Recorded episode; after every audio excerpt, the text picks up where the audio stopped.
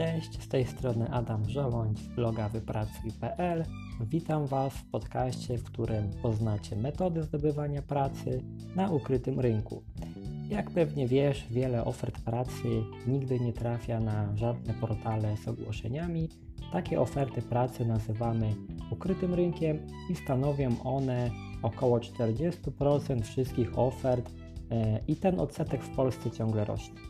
Chciałbym przekazać Wam ciekawe metody zdobywania pracy, które każdy może wdrożyć. Jest to idealny moment, ponieważ w 2021 roku jeszcze mimo wszystko mało osób y, działa w ten sposób, więc konkurencja na dzień dzisiejszy nie jest duża. Moim celem jest propagowanie takiego stylu prowadzenia swojej kariery i dlatego powstał ten podcast. Witam Cię serdecznie.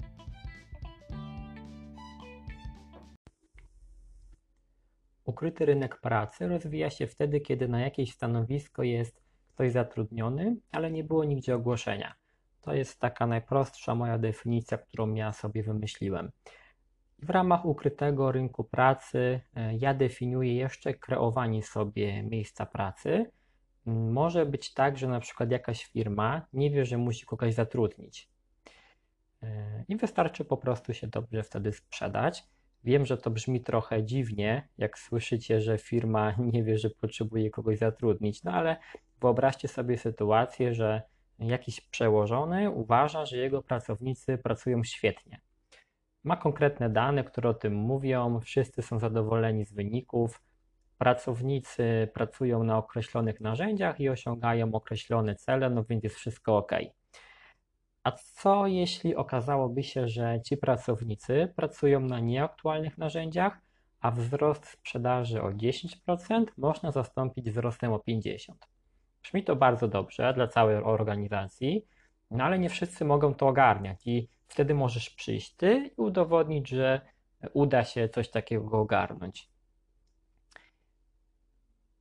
Kto ma największe szanse na takim rynku? No to przede wszystkim e, te osoby, które same biorą sprawy e, w swoje ręce i nie czekają na to, aż coś im tam gdzieś spłynie, aż e, zobaczą jakieś fajne ogłoszenie, tylko są w stanie sami sobie je wykreować. Jak to robić? Ja po pierwsze polecam zacząć budować swoją markę osobistą. Można zacząć od bloga albo od vloga najlepiej pokazywać to, co się po prostu robi na co dzień w jakiejś firmie, jakie są usprawnienia, co robisz, e, co, co robisz takiego, że ta firma rośnie, co robisz takiego, że Twój dział dobrze pracuje. I w ten sposób pokazywać, że ma się odpowiednią wiedzę i kompetencje do ogarniania różnych tematów. Jak ten rynek w ogóle jest wielkości w Polsce? Według danych, które znalazłem, to może być coś między 40 a 60%. E, natomiast na świecie e, no, ten rynek jest nawet dwukrotnie większy, ponieważ znalazłem takie dane, że nawet 90% w USA i w Kanadzie. E, troszkę zaskoczony jestem tym, ale nawet, nawet takie znalazłem, znalazłem raporty. I jestem skłonny w to uwierzyć, dlatego że kiedyś rozmawiałem z właścicielem jednej firmy, która jest znana na całym świecie, bo sprzedaje różne swoje produkty. Nie jest to duża firma, zatrudniałem kilkadziesiąt osób. E, jest to narzędzie z zakresu IT, natomiast jak się okazuje, nawet jeśli oni nikogo nie rekrutują, czyli nie ma żadnych ofert e, na stronie kariera u nich, ani nie ma żadnych ogłoszeń nigdzie wrzuconych, to dostałem kilkadziesiąt CV w roku od różnych ludzi.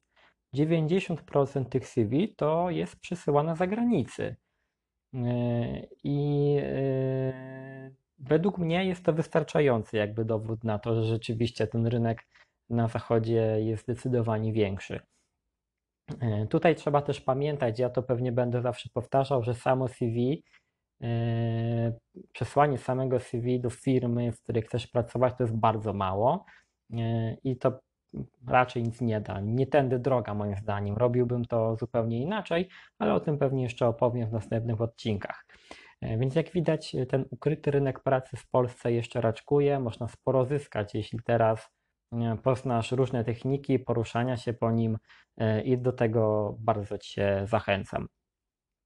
Ukryty rynek pracy to też jest taka naturalna droga do przebranżowienia się, bo jeśli nie będziesz miał doświadczenia, a będziesz odpowiadał na ogłoszenia o pracę, e, to i tak nie dostaniesz tej pracy, bo nie spełniasz podstawowych warunków, więc kluczem tutaj będzie rozpoczęcie odpowiedniej relacji z taką osobą, która może Cię gdzieś tam poprowadzić e, do tego nowego świata, w którym chcesz się przebranżowić i w którym chcesz e, dalej funkcjonować i, i iść tą ścieżką kariery.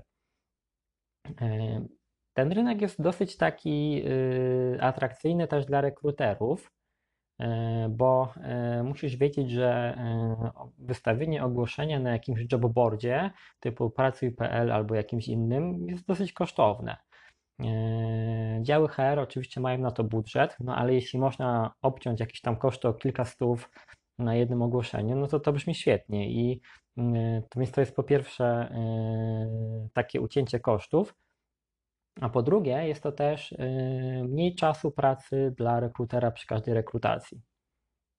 Bo normalnie rekruter najpierw y, szuka, jak w ogóle dostaje informację, że trzeba kogoś zatrudnić do jakiegoś działu, no to najpierw sobie szuka w swojej bazie odpowiednich osób, bo to jest najtańsze. Dopiero później wrzuca ogłoszenie, jeśli wśród tej bazy nie ma takich y, fajnych osób, no bo to jest taki naturalny proces.